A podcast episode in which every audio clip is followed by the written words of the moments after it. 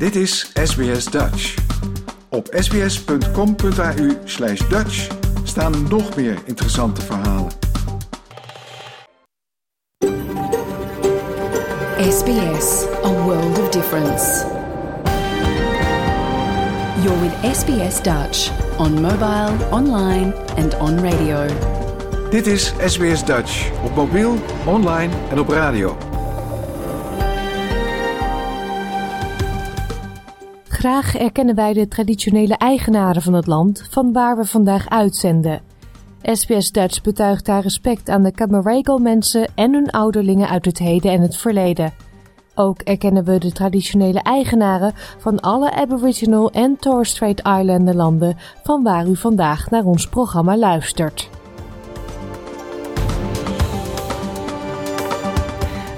Een hele goede morgen. Mijn naam is Paulien Roesink. Het is woensdag 16 augustus 2023 en dit is SBS Dutch, het Nederlandstalige radioprogramma van SBS. Het komende uur kunt u genieten van een programma vol met muziek, geschiedenis en sport. Zo praten we met violiste Annabel Traves uit Brisbane. De Australische speelt sinds eind vorig jaar in het Johan Strauss Orkest van André Rieu en vertelt onder meer hoe ze de Vrijhofconcerten in Maastricht heeft beleefd. Geschiedkundige Ingeborg van Teesling is er vandaag ook weer bij en bespreekt twee historische gebeurtenissen die plaatsvonden in de Northern Territory.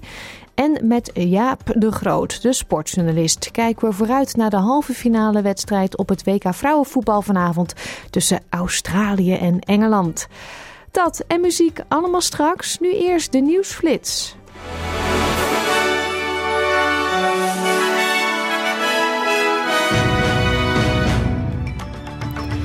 Dit is de SBS Nieuwsflits van woensdag 16 augustus. Mijn naam is Paulien Roesink.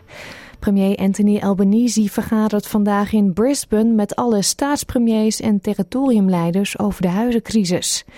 Eerder werd het Housing Australia Future Fund van de Labour-regering geblokkeerd in de Senaat door de coalitie en de Groenen. Het fonds ter waarde van 10 miljard dollar zou in de eerste vijf jaar 30.000 sociale en betaalbare woningen bieden. Maar de Groenen wilden in ruil daarvoor hun steun een bevriezing van de huurprijzen. Nieuw videobewijs suggereert dat vallende hoogspanningslijnen mogelijk een van de oorzaken is van de dodelijkste bosbranden in meer dan een eeuw op het Hawaïaanse eiland Maui. Huizen en bedrijven werden verwoest en tot dusver zijn er 99 doden geteld, maar er zijn ook nog tientallen vermisten. Hawaiian Electric Company krijgt veel kritiek, omdat er gewaarschuwd was voor harde wind. En toch schakelt het bedrijf de stroom niet uit, ook niet toen de eerste palen omvielen. De E-safety-commissaris Julie Inman Grant roept de technologische industrie op om de bescherming rond de generatieve kunstmatige intelligentie op te voeren.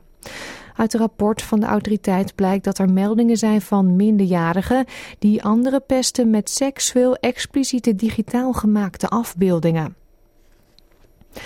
Leden van de Labour-partij staan onder druk om een internationaal verdrag dat kernwapens verbiedt te ondertekenen en te ratificeren, maar vrezen dat extra onderzeeërs een anti-nucleaire standpunt in gevaar zullen brengen.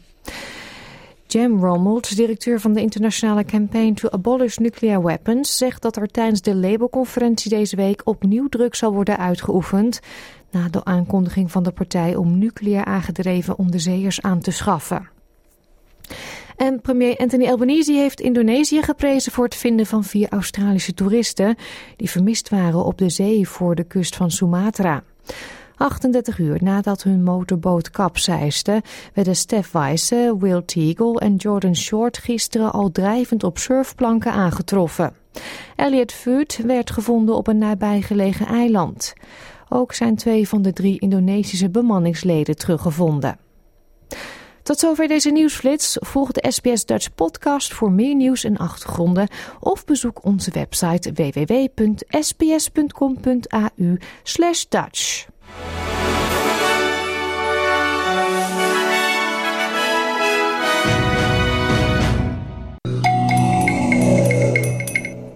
De 26-jarige Annabelle Traves uit Brisbane is een zeer getalenteerde violiste. Na haar opleiding aan het conservatorium in Sydney verhuisde ze in 2019 naar Duitsland om in München de masteropleiding Solo Violin Performance te volgen. Maar tijdens die studie sloeg de pandemie toe en kreeg ze tijdens lockdowns twijfels over haar toekomst als solovioliste. Ze besloot daarop een videoboodschap te sturen naar niemand minder dan walsenkoning André Rieu. Annabel mocht auditie doen en deed dat met succes. Vorige maand speelde ze voor het eerst met het Johan Strauss Orkest op het Vrijthof in Maastricht. Gisteren sprak ik haar en ik vroeg haar allereerst waarom ze op vijfjarige leeftijd eigenlijk koos voor de viool. I've got to attribute that to a bit of sibling rivalry, I think. Um, shout out to my big brother. No, there was one day he just came home. Uh, he's a few years older than me. And uh, at his school, they were doing like a compulsory strings education orchestra program, I think, for the class. So he got allocated the violin and came home with it one day. Um, started practicing it, playing it, and I just became really jealous that he could kind of do this cool trick and I couldn't do it. So I demanded that I be able to play actually. It was myself kind of making my mum have like take me to lessons and everything. At the start, it would have sounded horrible. I played the oboe and it's like, yeah, my poor neighbors would probably also attest to that. But uh, yeah, it was um, heavy going for the first few months, that's for sure. And then I like to think it improved quite quickly, but you never know. Yeah, well, I'd like to think too, because I checked your resume. It's just jaw dropping. At the age of 13, you got a call and you went from Brizzy to, to Sydney. I did, yes. And that was, um, it was quite difficult at the time because obviously um, there was a big debate. I think my, my teacher at the time wanted me to stop proper schooling and go into homeschooling and do intensive violin kind of school, like music school, and under her tutelage, kind of in Sydney. And uh, yeah, it was a big discussion around the family table, obviously, because I think my my parents really wanted me to have a very full um, education at a like a kind of normal school that wasn't centered on just music, and so I decided to keep doing that actually at my at my school in Brisbane. But then I had to commute every week to Sydney for these lessons and kind of try and juggle both. So it was a very busy time. What did you really like about the violin? Because I remember from my childhood, it's very hard to to practice, and if you want to reach a level you are at, you have to play a lot. Yeah. So, what was that that you really enjoyed? I think the part that still to this day is kind of my driving motivation um, is the performing itself. I think being on stage and you've put so many hours into this performance, and then there is that moment. It's like a it's a it's the climax of it all and you get to kind of put out all of the work that you've put in and just you know whatever happens in that moment you can't take it back. And it's there's so much adrenaline so much going on and i think that rush is what i kind of have come to just be obsessed with. It's just um, the feeling like no other. So i would say that's the motivation for me.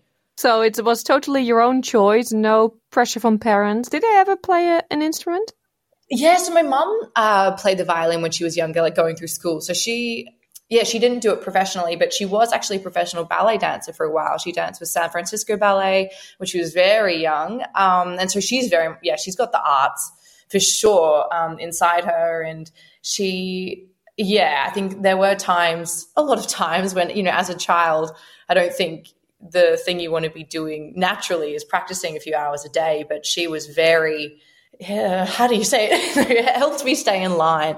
And also because she knew um, the violin and like what was right or wrong, she was actually an extremely crucial practice companion because where I would not know if it was right or not, she was there kind of like my secondary teacher, just talking me through it all and helping me a lot. So I do have to thank my mum for a lot these days. Hmm. Yeah, and you did your bachelor degree here in Sydney at the Conservatorium yes. of Music. And then you decided to go to Europe to do a master's degree.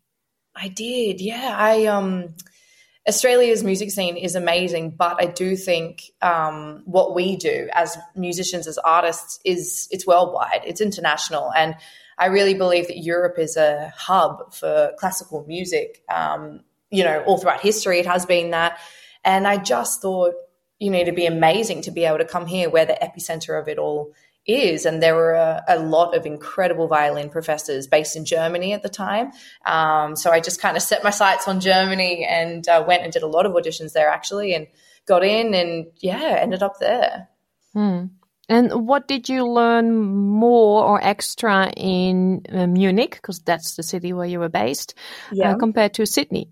Well, I mean, that was a very interesting time because as soon as I moved to Germany was when COVID hit. So obviously the whole structure of, you know, a performance. I, I was doing my master's in violin solo performance. Um, suddenly you've got no performances, and also the universities are trying to prohibit you from seeing your professor face to face. So when I was allowed to, you know, when the restrictions were a bit lighter, um, I was able to have face to face lessons with my professor. But I would say I just learned so much from him. His name is Linus Roth, um, based in Munich, and he's he's a soloist. He's just an incredible violin uh, violinist, and um, just in general, kind of you're learning right from one of the leading violinists of today, who's traveling the world as a soloist, and just the kind of advice that he can pass down from firsthand experience is so invaluable. So I would say just in general, so many things about the instrument and about performing and obviously going in depth technically with a few things. And yeah, there's, there's so much. So is that your dream, uh, touring as a soloist? So it really, um, it was. That's absolutely how I was trained. I had um, an incredible teacher in Sydney, uh, the late Professor Alice Watton, and she had studied in Moscow and Berlin with some of the greats, like David Oistrakh, who was one of, still to this day in history, the best violinist that ever lived. And um, she was very strict, but just the most incredible pedagogue. And um, the way that she taught her students was very eyes on the prize you know we were all kind of trained to be soloists that was the the main goal and i think um, i did have my sights set on that very strongly and um, yeah, COVID was a huge standstill, obviously, for that. Uh, I started questioning my career goals, my career dreams. There was nothing going on. I wasn't sure how I'd be able to bounce back uh, after those years of just kind of stillness. And um, that's actually when I decided to write to Andre. I was feeling a bit lost, unsure of, you know, what my music career was really looking like as a soloist. And um, I just really yeah, I don't know what made me do it, but I just thought of Andre Rieu and uh, thought, why not? I'll just try and reach out and see what happens. Because sometimes people, when they talk about Andre Rieu, you can say a lot of things about him, but he's a very uh, clever um, businessman, maybe. So the the real musical lovers, like the classical music, they think, oh, they, they, they look a bit down on him, right? It's it's very for everyone. Yeah, I mean, so I have heard that, but I couldn't disagree more. I think that uh, I love the classical music world, like the strictly classical, but I think that that's its biggest downfall is that sort of exclusivity and the idea of it being superior and only accessible to a group of people that are you know know everything about it or are able to understand it on a very um, technical level i think that that's not at all what music is about. And that as a message is just naturally exclusive. It's a bit toxic. Um, so what I think what Andre has done and why I will always be his biggest advocate is he has taken classical music. We do play, we play some Strauss, we play some Tchaikovsky, which are very serious works, very serious compositions. And he turns it into something that is accessible and can be enjoyed by everybody without this feeling of you know, not being an expert on classical music, therefore I shouldn't go to the concert, or people are going to laugh at me if I don't understand it. It's not about that. It's actually about everyone coming together and universally enjoying this concert and universally enjoying this beautiful classical music. And I think everybody in the classical world should actually be grateful to Andre for exposing it to so many people worldwide. Like year after year, we tour and every show we're playing to tens of thousands of people. It's like he's doing the classical music genre a favor, you know? It's just, yeah, he's amazing. He is one of the biggest export products of the Netherlands. Exactly. Yeah, he, he absolutely is. And I think, um, I can't remember the exact figure, but the 12 shows that we've just done in Maastricht, I think alone just for the city earn the city millions in revenue just because of how many people are flocking to that city. And that's, you know, that's for any city in the world in three weeks to make that many million dollars is um, pretty unheard of. And he's just managed to do that with 12 concerts. Yeah, because you did write him a letter, and um, fast forward, you are now part of the Johann Strauss Orchestra. Um, how yes. did that go? Did you have to do auditions as well? I did, yeah. It's um, and it was one of those things. It uh, I never actually thought it would happen. It was crazy. I actually just made a video of myself one day sitting in my kitchen with my violin, um, kind of saying, Hi, Andre, my name's Annabelle. Absolutely love what you do. And I would love so much to audition for you if you would ever like to hear me play. And, uh, you know, you send off a video like that. I submitted it to his fan page because I had no way of contacting him really and um, kind of forgot about it. And about two weeks later, I get this email actually from him himself saying, Hi, Annabelle, I just actually saw your video. Come play for me like tomorrow in the Netherlands. And I was in Munich at the time. And, you know, obviously, after freaking out and calling my whole family, be like, what do I do? What do I say? Of course, I jetted off to the Netherlands and uh, did my audition for him. And he signed me that day, offered me a contract. Wow. What a story. yeah, it was really. Um, but that's another thing about Andre. I think he and why his business is so successful is because when he he knows always what he wants and he will just make sure that he gets it and make sure that that happens. And it was all very very fast how it all came about. Yeah, that was last year. Now you just experienced the Vrijthof concert in July. Yes. How was that? Because uh, I, when I see footage of the audience, it's young and old. It's every layer of society. People mm-hmm. are enjoying it so much. The only yeah. thing that can um, be a bit But is the weather in the Netherlands, but That's I think true. even even then, yeah, I was very impressed. I was kind of like outdoor concerts, Maastricht, Netherlands. Let's see how this goes. But I think there was only one night where it um, showered a little bit during the show, but everybody was prepared with their rain ponchos. They just popped them on and sat there and enjoyed the rest of the concert. Mm. But how is it to be a part of that orchestra? Because um, I read you also played with the boss, oh. Springsteen, Michael Bublé. I mean, the audience of Andre Rieu is the same level of intent, I reckon. It, I mean, it is. I think it actually is, especially for the Vrijthof concerts, because um, it's just buzzing with energy. I've never really never been part of anything like that. And I think like nothing can really prepare you for it. No one really told me exactly what it would be like. You know, I'd heard the concerts would be amazing, but you step out, we firstly we step out onto the steps just outside this theater that's behind the venue. And and no one had told me, but like hundreds of people were there waiting, like yelling, taking photos.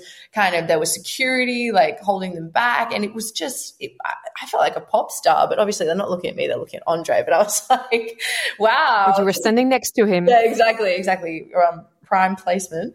But um, no, it was just electric, and um, the format is that a lot of people also like along the sides of the um of the concert venue and could enjoy like a drink on the terrace and have dinner at the same time and still enjoy the concert. And it was just the the best vibe and so inclusive and so joyful. Everyone's so happy to be there. It's yeah i really hadn't experienced anything like it. Mm. you're now enjoying a couple of weeks of holidays and then you're off to america. Yes we are. And um as a little kind of this is a bit of a little surprise concert but it's been announced now. We actually get to perform at the Dutch Grand Prix, the F1 race. Yeah, at the end of this month. So that's in two weeks. So that'll see us off. And then we just go to Malta quickly and then off to the States and Canada. So it's all happening. Wow. Do you have a favorite piece you're playing? A favorite piece? Oh, gosh, there are so many. I'd have to say probably two at the moment. We had this incredible soloist. She was a guest soloist for Vrijthof, but now will be touring with us just because Andre just loves her, as we all do. She's incredible. Her name's Emma Cock, and she's 15 years old.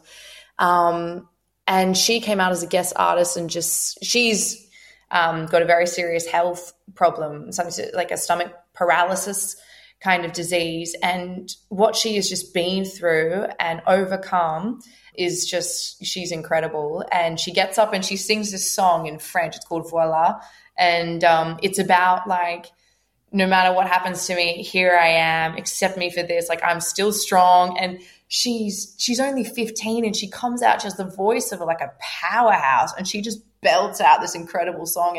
And the first time I heard her, I just started crying. I get really emotional. And I would say, yeah, playing that with Emma is one of my favorites. Um, but then also because I'm, yeah, I'm a bit of a softie. I like the classics. We do Amazing Grace as an encore. And I don't know why that piece just gets me every single time. But yeah, Amazing Grace. Great. Well, I wish you all the best and a lot of fun. Thank you so much for your time. Thank you so much, Pauline. Thanks for having me. Gezangeres Emma Kok samen met André Rieu en het Johann Strauss Orkest. Een van de favoriete momenten van violiste Annabel Traves, die sinds vorig jaar dus ook meespeelt in dat wereldberoemde orkest. En ik kan u verzekeren, de 15-jarige zangeres Emma die kreeg echt een staande ovatie. U kunt dat ook zien op onze website www.sbs.com.au/dutch. Iedere maand duiken we in de geschiedenis van Australië, van de White Australia Policy, de Eureka Stockade en de naoorlogse migrantengolf, tot de verschillen tussen stad en platteland en het ontstaan van Canberra. Geen onderwerp blijft onbesproken. Historica Ingeborg van Teeseling duikt vandaag in de geschiedenis van de Northern Territory. Ze vertelt over twee belangrijke gebeurtenissen in de recente geschiedenis van het grondgebied: de Darwin Rebellion en de Croker Island Mission. SBS Dutch, woensdag en zaterdag om 11 uur ochtends of online op elk gewenst tijdstip.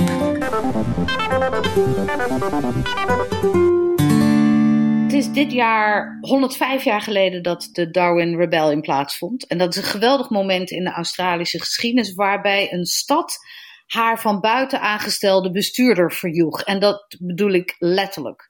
Dat vond plaats in 1918 aan het einde van de Eerste Wereldoorlog.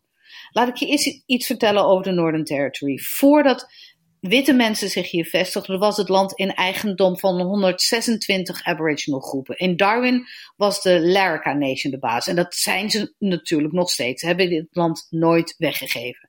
Zij handelden in uh, zeekomkommer, vooral met Indonesië en met Maleisië.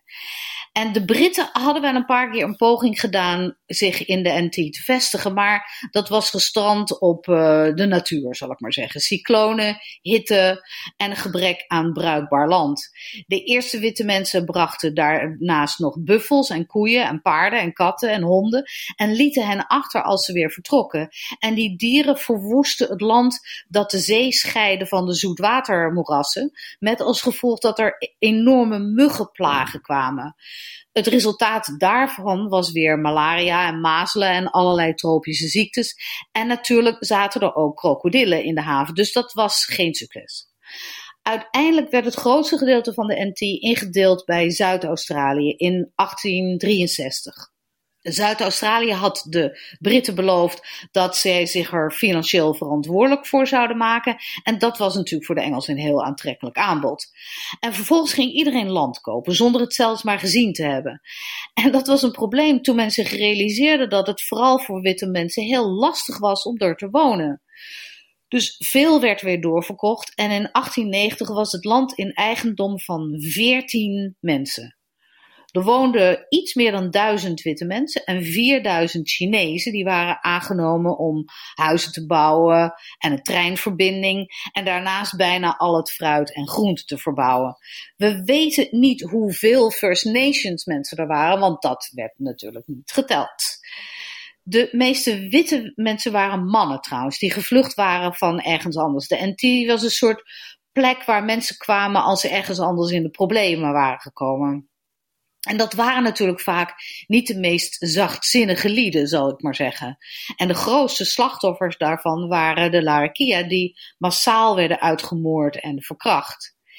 In 1911 had Zuid-Australië genoeg van de verantwoordelijkheid en gaf de Northern Territory terug aan de federale overheid. Die had er ook geen zin in, maar had weinig keus. En, want waar ze mee te maken hadden was een plek waar wetten niet leken te gelden en de grote veehouderijbedrijven, zoals Vesties, de dienst uitmaakten. De eerste beslissing die de federale overheid nam, was de mensen hun stemrecht af te nemen. Niet alleen mochten ze niet meer stemmen, maar ze waren ook niet meer vertegenwoordigd in Canberra. En daarnaast besloten de machthebbers dat het een goed idee was om een soort semi-premier te sturen, een beheerder van de staat. Niet gekozen door de mensen, want die hadden dus geen stemrecht meer, maar opgelegd door Canberra. En daar ging het natuurlijk mis. Ja, dat snap ik wel. dat is niet fijn. Wie was die beheerder die je net noemt? Nou, hij heette John Gilroot, een Schot uit een welgestelde familie die het grootste gedeelte van zijn werkende leven in Nieuw-Zeeland had doorgebracht als hoofd van de veterinaire afdeling. Hij was een dierarts dus. Gilroot was echt een man van zijn tijd. Die geloofde dat gentlemen, zoals hij, ook de pilaren van wereldrijken waren. Hij was zeer overtuigd van zijn eigen superioriteit. Het verhaal ging bijvoorbeeld dat hij ooit eens werd tegengesproken door iemand. En toen de man zei dat hij net zoveel recht had op zijn mening als Gilroot, zei Gilroot: Het verschil tussen uw mening en de mijne is dat de uwe er niet toe doet zo'n man dus. En dat was natuurlijk een lastige leider voor het clubje ongeregeld dat zich in de Northern Territory bevond. Zij hielden er niet zo van om geleid te worden en al helemaal niet door een bullebak als Gilroot. En Gilroot kwam er ook gelijk met gestrekt been in. Het eerste dat hij deed was ieders rooster aanpassen. Ze moesten nu om zeven uur op hun werk zijn in plaats van om acht uur de vakbonden verzetten zich, maar Gilroot wilde niet eens met hen praten. Hij liet een van zijn secretaresses naar buiten komen met een briefje waar alleen het woord nee op stond. Daar werden mensen natuurlijk niet blij van, maar voor het moment konden ze er nog weinig aan doen, want ze hadden geen leider die tegenwicht kon bieden tegen Gilroot. Die kwam een jaar later aan. Harold Nelson heette die, een vakbondsman die naam had gemaakt in het zuiden van het land. De eerstkomende twee jaar deed hij een paar dingen als voorbereiding. Om te beginnen zorgde hij ervoor dat vrijwel iedereen zich aansloot bij de vakbond, zodat hij veel mensen achter zich kreeg. Hij lette ook goed op wie wie was en hoe het systeem in elkaar zat. En hij was een geweldige spreker, dat hielp ook. En daarnaast had hij het geluk dat in 1914 de oorlog uitbrak. Want dat betekende voor Gilroot dat hij opeens nauwelijks geld meer kreeg van de federale overheid, want die spendeerde dat op het slagveld. Aan het eind van 1914 probeerde Vesties, de grootste werkgever, om mannen voor minder geld te laten werken. Maar intussen was die vakbond van Harold Nelson zo machtig geworden dat hij dat makkelijk kon tegenhouden. En dat gaf hem aanzien. En omdat Gilroot nu minder geld en minder macht had, was het voor iedereen duidelijk wie hier nu echt de baas was. Alleen Gilroot begreep dat nog niet. In 1915 haalde hij een streep door de enige democratisch gekozen gemeenteraad die er nog was. En dat gaf Nelson natuurlijk een goed argument. Deze man is een despoot, zei hij. Hij waant zich de koning, daar moeten we iets aan doen. En dat was eigenlijk het begin van de Darwin Rebellion. Hmm, een spannend verhaal. Wat gebeurde er toen? Nou ja, kijk, eerst maakte Gilbert nog een enorme fout. Hij nationaliseerde de hotels en de aanvoer en de distributie van alcohol. De meeste mannen in Darwin woonden in die hotels en dronken die alcohol en ze waren razend. Nelson riep een staking uit die af en aan bijna twee jaar duurde. Aan het eind waren witte arbeiders in Darwin de best betaalde arbeiders in Australië, maar de hotels en de alcohol waren nog steeds in handen van Gilroot. En intussen waren er ook geruchten ontstaan dat de alcohol werd aangelengd met water en dat het eten dat geserveerd werd maden in zich had. In september 1918 besloot Harold Nelson dus een coup te wagen. Hij riep zijn mannen en de rest van de stad bij elkaar en verwees naar Eureka. We moeten in verzet komen, zei hij. Net als bij Eureka moeten we wel hard werken, maar we hebben niks te zeggen. En nu heeft de dictator ook nog onze hotelkamers en eten en drinken overgenomen. Genoeg. Terwijl de mannen daarover aan het praten waren, maakte Gilroot echt de fout van zijn leven. De oorlog was net afgelopen en de vrouwen die de hotels runden hadden gevraagd of ze een dag vrij mochten om dat te vieren. En Gilroot zei nee. De vrouwen deden het toch en werden allemaal ontslagen. En dezelfde dag confiskeerde Gilroot een heel schip met gin en bier dat er net was aangekomen. Darwin ontplofte. Op 16 december, als een, een soort reactie daarop, riep Nelson iedereen op voor een demonstratie naar Gilroot's kantoor. Daar vroeg hij Gilroot te spreken, die dat eerst drie keer weigerde en daarna uitbarstte in een soort scheldkanonade. Nemen we hier genoegen mee, riep Nelson tegen de menigte. Nee, schreeuwden ze en massaal stormden ze over het hek onderweg naar Gilroot. Nelson had ze al snel onder controle, maar Gilroot verschanste zich met zijn familie in zijn kantoor en kwam er de eerstkomende twee maanden niet meer uit. Toen, op 20 februari 1919, verliet de familie Gilroot Darwin in het midden van de nacht op een oorlogsschip dat Canberra gestuurd had. Een paar maanden later werden Gilroot's ambtenaren gegijzeld door de mannen van Nelson en onder druk van een enorme menigte ook op een schip richting het zuiden gezet. Dat was op 19 oktober 1919 en daarmee eindigde de Darwin Rebellion. Het zou nog wel tot 1977 duren voordat de Northern Territory weer stemrecht zou krijgen. Voor dit prachtige liedje spraken we met historica Ingeborg van Teesling over de Darwin Rebellion. Een historische gebeurtenis in de top end. Maar er zijn meer verhalen te vertellen over de NT. Nou ja, kijk, een heleboel natuurlijk. Maar een van de mooiste vind ik die over de Croker Island Exodus. We hebben het hier over het begin van de Tweede Wereldoorlog, dus één oorlog verder. En overal in het top end waren plekken waar de kinderen van de Stolen Generations werden opgevangen. Of eigenlijk opgesloten vaak natuurlijk. De omstandigheden waren doorgaans vreselijk, met veel doden door lepra en kinkhoest en dat soort nare ziektes. En de meeste van die centra vielen onder de verantwoordelijkheid van de kerken. En dat werd belangrijk toen eerst Pearl Harbor door de Japanners gebombardeerd werd en toen twee maanden later Darwin.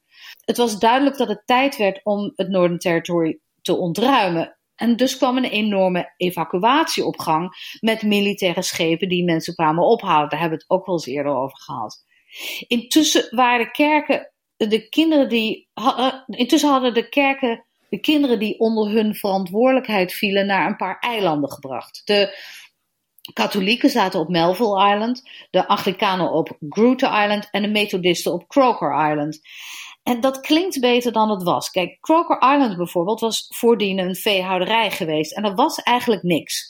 Geen huizen, geen eten, geen watervoorziening, niks. En het werd gerund door drie jonge vrouwen: Margaret Somerville, Olive Peak en Jessica March, twintigers, alle drie uit Zuid-Australië, die hier waren aangekomen vol idealisme. Want het idee was dat First Nations kinderen te dom waren om zelfs maar lagere school door te lopen. En de dames wilden bewijzen dat dat onzin was. Dus zetten ze het eiland op als een soort familie. Huizen in plaats van slaapzalen en veel nadruk op wat wel mogelijk was. Voor de kinderen was het allemaal nogal verwarrend trouwens. De meesten kwamen uit de woestijn en waren van hun families gescheiden natuurlijk. En ze hadden ontzettende heimwee en vonden die oceaan ook maar eng.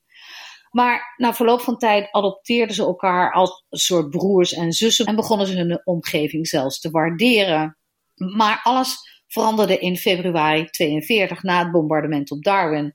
Margaret en haar collega's kregen een bericht via de pedaalradio, hun enige vorm van communicatie. Het was een plek op een boot voor hen. Zij konden evacueren, maar ze moesten de kinderen achterlaten. Dat is toch onmenselijk? Ja, en dat deden die dames dus niet. Ze bleven bij de kinderen, maar nu waren ze alleen op zichzelf aangewezen. Eten werd niet meer bezorgd, er was geen communicatie en dat begon een echt probleem te worden toen ook het drinkwater schaars werd. Margaret, die de leiding zo'n beetje op zich had genomen, besloot om niet langer te wachten. Ze leende wat diesel van de plaatselijke houtzagerij en bevoorraadde de missieboot. De vrouw van de tuinman had net de dag daarvoor een baby gekregen. Dus die baby ging in een doorgesneden koffer met een muggennet erover. Eerst in de boot, toen de moeder op drie kussens. En toen de kinderen met elk een tasje met eten en één set droge kleren en een zak rijst. Er waren 95 kinderen, dus ze moesten vier keer op en neer naar Barclay Point. En daar sliepen ze een paar dagen op het strand, tot een vrachtwagentje van de missie hen naar Oenpelli bracht, 75 kilometer naar het zuiden. Dat heet trouwens nou Goombalanja, als ik dat goed uitspreek. Dat duurde dagen, want ze kwamen vaak vast te zitten terwijl ze een kreek overstaken, dat soort dingen. Er waren eigenlijk geen echte wegen daar, dus het was ontzettend ingewikkeld. Kijk, die vrouwen hadden verwacht dat ze in Gumbalanya zouden kunnen blijven, maar dat bleek niet het geval. Er was niet genoeg eten en drinken, dus ze moesten ergens anders heen. Er waren vrachtwagens geregeld door de overheid, maar die konden er niet komen, want het regenseizoen was volop aan de gang. Dus na drie weken wachten kregen Margaret en haar vrienden te horen dat ze de kinderen naar de vrachtwagens moesten brengen in plaats van andersom. Maar hoe? Want de enige oplossing was eigenlijk lopen. Maar het was 100 kilometer naar Pine Creek, waar de vrachtwagens stonden. En dat was natuurlijk geen flauwekul. Desalniettemin, dat was precies wat ze deden. Ze staken rivieren over vol met krokodillen, bakten brood van gras, vingen varanen en slangen voor de barbecue, plukten wilde kersen en watergras en aten rijst met golden syrup, het enige wat dat de vrouwen nog over hadden. Ze hadden kapotte voeten, dronken geïnfecteerd water en werden opgegeten door bloedzuigers. En tegelijkertijd vlogen Japanse vliegtuigen af en aan vlak over hun hoofden. Maar de kinderen hadden het eigenlijk enorm naar hun zin, want het was een geweldig avontuur. Ja, maar ik ben wel heel benieuwd of ze het gehaald hebben. Ja, zeker. Haalden het.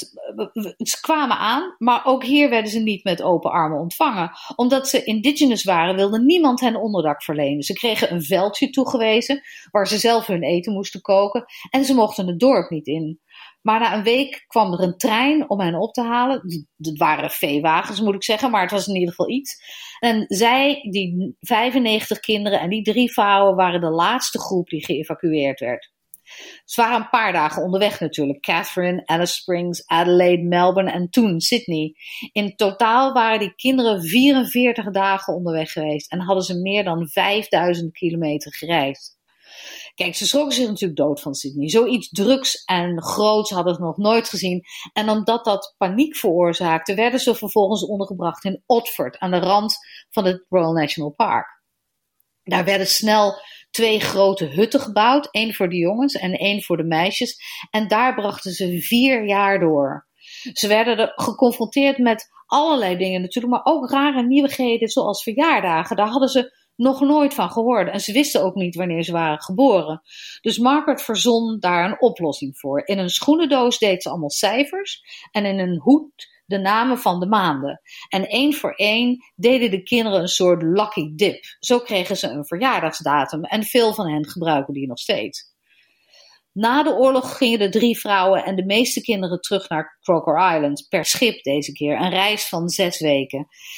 Ik zou heel graag willen zeggen dat ze daar nog lang en gelukkig leefden, maar dat is helaas niet zo de regel van de Methodistische kerk was dat 16-jarigen met een koffertje op straat werden gezet om het verder zelf maar uit moesten zoeken. 16 was de soort van cut-off date. Daar waren de meeste van hen natuurlijk nauwelijks toe in staat. En terug naar hun familie was ook lastig, want ze waren te wit voor hun families geworden en te zwart voor de witte gemeenschap. Veel vielen door de maas van het net.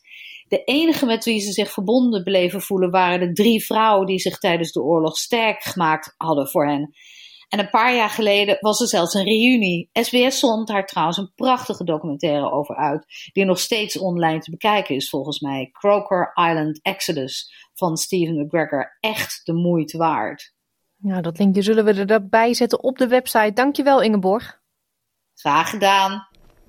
Alle, ik moet gemakshalve maar even geschiedenislessen van Ingeborg zijn te beluisteren op onze website onder de podcastserie Australië tot nu toe. Ga naar www.sbs.com.au Dutch. Australië is in alle staten en het green and gold is overal, want vanavond strijden de Matilda's tegen Engeland voor een plek in de finale van het WK vrouwenvoetbal. Vanmorgen in alle vroegte belde ik met sportjournalist Jaap de Groot, die veel vertrouwen heeft in de thuisploeg en het geweldige recordbrekende publiek. Maar ik vroeg hem eerst naar de uitschakeling van de Oranje Vrouwen, want dat was toch best wel een domper. Nou, een behoorlijke domper. Van je hebt gewoon kans gehad om de halve finale te halen tegen misschien wel de sterkste ploeg van het WK. En uh, dat zag je ook vooral de eerste helft. Spanje was overheerste echt op alle fronten. Ja, en dan ontstaat er een moment in de wedstrijd dat ineens de boel kantelt, wat niemand meer verwacht in de slotfase. En je krijgt ineens alle mogelijkheden om de wedstrijd naar je, naar je toe te trekken. Nou ja, dat gebeurde niet. Ja, en dan, dan, dan, uh, dan moet ik eerlijk zeggen, toen kreeg het recht wel zijn beloop. Want uh, Spanje verdiende wel. Als ze dan toch één had moeten winnen, was het Spanje. Maar het, het, het, blijft wrang dat je de kans hebt gehad om de trekker over te halen. Dat heb je niet gedaan. Maar ja, dat, dat is een WK. Ja, en wel twee keer hè, komt die kans. Ja, ja, ja. Nou ja, dan kan ik er wel gaan zeggen van ja, je had een echte spits erin moeten hebben. Want het is gewoon bekend dat, uh, dat hebben we ook al in onze eerste gesprek gezegd, dat net Berenstein en Lieke Martens zijn geweldige aanvallers, maar geen uh, echte killers zoals Miedema en Van Kalma, die dus niet geselecteerd is. En die, ja, zo'n type kom je dan wel op zo'n moment tekort. Maar nogmaals, ik, gezien het feit hoe het Nederlands zelf gevoetbald heeft, dit WK, vind ik het een beetje flauw om te zeggen, had nou dit, had nou dat uh, met je selectie gedaan. Uh, het, het, is zo gegaan. En uh, ja, nou goed, ik, ik, kan goed leven met het feit dat Spanje een ronde verder is. Want ja, dat vind ik toch wel tot nu toe de best voetballende ploeg van, van het WK. Ja. En ze hadden al in Engeland echt tijdens het laatste EK. Want toen vond ik ze ook tegen Engeland de betere ploeg. En toen pakte Engeland in die wedstrijd echt het thuisvoordeel. Waardoor uiteindelijk uh, op, uh, ja, niet zonder geluk Engeland uh, naar de volgende ronde ging en uiteindelijk ook Europees kampioen werd. Maar eerlijk is eerlijk, ik vond Spanje toen al de beste ploeg. Ja, en Spanje is inmiddels dus ook nog een ronde verder, want die staat als eerste land in de finale. De grote vraag is tegen wie? Wordt dat het land wat je net al noemde, Engeland, of wordt dat Australië? Je wil niet weten hoe de sfeer is hier in dit land, Jaap. het is één, één nou grote ja, gekse. Nou ja, ik moet zeggen, ik, uh, ik heb je al verteld, uh, een hele goede vriend van mij is Craig Johnston. Dat is in het Australische voetbal echt nog steeds een icoon. Hij wordt gezien als de beste Australische voetballer aller tijden. Ook de eerste Australiër die ooit het Engels elftal haalde. Hij heeft met Liverpool drie keer de Champions League gewonnen. Nou, Craig, ook de, de uitvinder van de, uh, de Predator, de beroemde voetbalschoen van Adidas. Nou, die had ik vanmiddag even aan de lijn, want die woont in Newcastle. Uh, ik geloof twee uur rijden ten noorden van Sydney. Nou, zelfs hij is, is in alle staten en hij heeft ook aangeboden dat als de Matilda's in de problemen zitten, dat hij best wel in, wil invallen als Matilda. Nou, dus die zit op de bank vanavond. ja, maar ik heb ook begrepen dat jij een kaart hebt, uh, te pak hebt gekregen. Dus jij bent ook, uh, je hoort ook met een lucky, lucky view. Ja, dat was inderdaad erg mazzel hebben. En uh, of ze nou winnen of verliezen, het wordt volgens mij een geweldige avond vanavond. Ik moet eerlijk zeggen, ik, ik, ik heb hele goede herinneringen aan het, aan het stadion. Ik ben er één keer geweest, dat was in 2005. Toen was de beroemde beslissingswedstrijd tussen Australië en Uruguay. Met Guus Hiddink als bondscoach van Australië. Die werd ook uh, met penalties beslist. En ik zal nooit vergeten dat toen na afloop ook Man at Work uit de uh, kwam. En toen uh, het beroemde nummer van Man from Down Under zong. En het hele stadion zong mee. En ik heb een beetje het gevoel, dat was ook in die wedstrijd tegen toen in 2005. Er zijn van die avonden dat je voelt dat hoe, het, hoe goed de tegenstander ook is, dat Australië de thuisploeg niet verliest. Dat is gewoon against all odds. En ik ben ook heel benieuwd naar morgenavond, want ik denk dat je toch, eh, ik denk dat niet alleen Engeland, maar als Australië verder komt, ook in de finale, Spanje, het, uh, als Australië dus verder komt, Spanje ook heel moedig gaan krijgen. Want het Australische publiek is niet een twaalfde man gebleken, maar een twaalfde en een dertiende man. En uh, op een unieke wijze. Dus, dus wat dat betreft, ja, ik, uh, ik ben heel benieuwd. En ik sluit niet uit dat, dat de verrassing die wij al in een van onze eerste uitzendingen aangaven, van het zal toch niet waar zijn dat Australië straks de nummer één wordt. Nou ja, ik, het, komt steeds dichterbij. Ja, je noemde net de twaalfde en dertiende man. De Franse coach, die noemde het, we speelden tegen een hele natie. nou ja, ik moet ook zeggen, jullie bondscoach doet dat ook geweldig. Ik zag ook na afloop tegen Frankrijk. Ja, je ziet normaal zie je een bondscoach uh, uh, praten tegen een verslaggever. Maar deze man sprak gewoon het volk toe. Die keek recht in de camera. En uh, nou, dat was gewoon een donderspeech naar de miljoenen Australiërs. Ik vond dat fascinerend om te zien. En dat onderschrijft nog eens de spirit in de ploeg. Kijk, één punt is alleen. Um, we hebben het zelf ervaren met Nederland elftal toen in 1974. Uh, ik heb het toen met Johan Cruijff wel eens over gehad. Waarom verloor Nederland de finale van Duitsland? Omdat de euforie na de overwinning in de halve finale tegen Brazilië, wat toen de regerend wereldkampioen was, was zo groot dat er eigenlijk een last bij de spelers, uh, van de spelers afgevallen was. Ze hadden iets van, we hebben Brazilië verslagen, we zitten nu in de finale. En dat gevoel dat was uiteindelijk de killer voor de finale. Dus ik hoop niet dat Australië, wat ja, Engeland is toch de, de aardsrivaal van, van huis uit. Dat de overwinning op Engeland een dusdanige euforie teweeg brengt. dat het misschien tegen de ploeg gaat werken. Dat je uiteindelijk tegen de, de gedreven Spanjaarden, wat gewoon in principe een betere ploeg is. Maar ja, Australië met het thuispubliek erachter is een niet te onderschatte factor. Maar dat Australië eigenlijk door opluchting en de euforie door een eventuele uitschakeling van Engeland, dat dat uiteindelijk een Achilleshiel uh, gaat worden. Dus daar moeten ze wel betucht voor zijn. Ja, en uh, als we dan kijken, Engeland-Australië, um, gaat het beslist worden in 90 minuten of gaan we weer een verschrikkelijke spannende verlenging met penalties krijgen? Wat denk jij? Ja, ik denk gewoon, het wordt een, een, een gevecht. Het wordt een gevecht. Er zit, de Engelsen worden met de dag beter. Uh, er, zit er, uh, er zit een enorme fighting spirit in. Hetzelfde met de, uh, met de Matilda's. Ik denk dat het, nou ja. En er, er zit natuurlijk zoveel spanning op deze wedstrijd.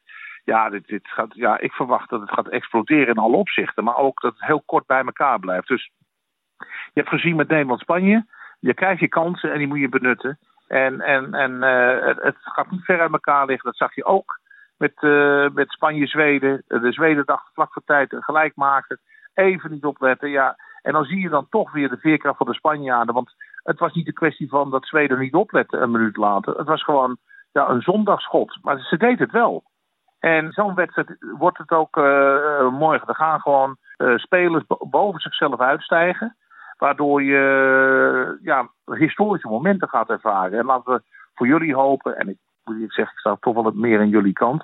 Uh, dat het uh, vooral de pieken bij, bij Australië zullen zijn, bij de Matilda's. En wat dat betreft hebben we natuurlijk ook uh, prachtige wedstrijden gezien de afgelopen weken. die, al die finales zijn echt enorm spannend geweest. Um, alle records zijn gebroken. Kijk, de target was 1,3 miljoen toeschouwers. Jullie gaan, Australië gaat over de 2 miljoen heen. als je de cijfers ziet vergeleken met het WK in Frankrijk van vier jaar geleden.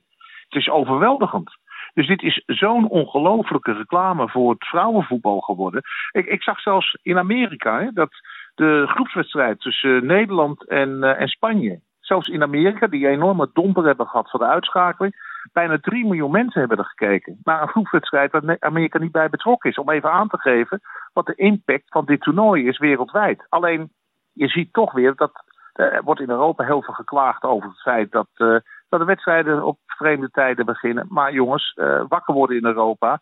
Amerika, uh, Oceanië, Azië en het Midden-Oosten zijn op dit moment leading in topfort. En dat mag best wel wat beter binnendringen in Europa, waar we van oudsher denken dat we daar uh, de toon zetten. als je ook naar alle grote sponsors kijkt, van de 23 partners van, van FIFA komt alleen Adidas uit Europa. Er komen er vijf uit Qatar, zeven uit Azië en tien uit Amerika. Dus je ziet een hele verschuiving van de, de topsport internationaal. Van wie hebben de touwen in handen. En wat dat betreft vind ik ook dat Australië een signaal heeft afgegeven hoe de belangen en de impact van topsport aan het verschuiven is wereldwijd. Ja, vanavond wordt het heel erg spannend. Ik denk dat iedereen aan de buis gekluisterd gaat zijn. Dankjewel ja voor de afgelopen weken, voor jouw uh, kundige commentaar en uh, voorspellingen. Die zijn uh, vaak goed gebleken. En ik hoop dat je het vanavond ook goed gaat hebben. Dankjewel. Ja, nou, ik, ik, ik wens jou in ieder geval een hele fijne avond toe. En ook aan alle luisteraars van SBS Dutch in Australië. Een heel mooi resultaat. En dat, dat jullie met z'n allen een mooi feestje kunnen bouwen. Dat, dat gun ik jullie van harte. Ja, en die belangrijke wedstrijd begint vanavond om 8 uur Australian Eastern Standard Time. Op Channel 7 is die te bekijken. We komen hiermee aan het einde van dit uur van SBS Dutch. Op onze website www.sbs.com.au kunt u al onze verhalen en podcastseries terugluisteren. Dit kan ook via de gratis SBS audio app. We sluiten af met het nummer Stiekem van Maan en Goldband. Ik wens een hele fijne middag. Heel graag tot zaterdag. Dag!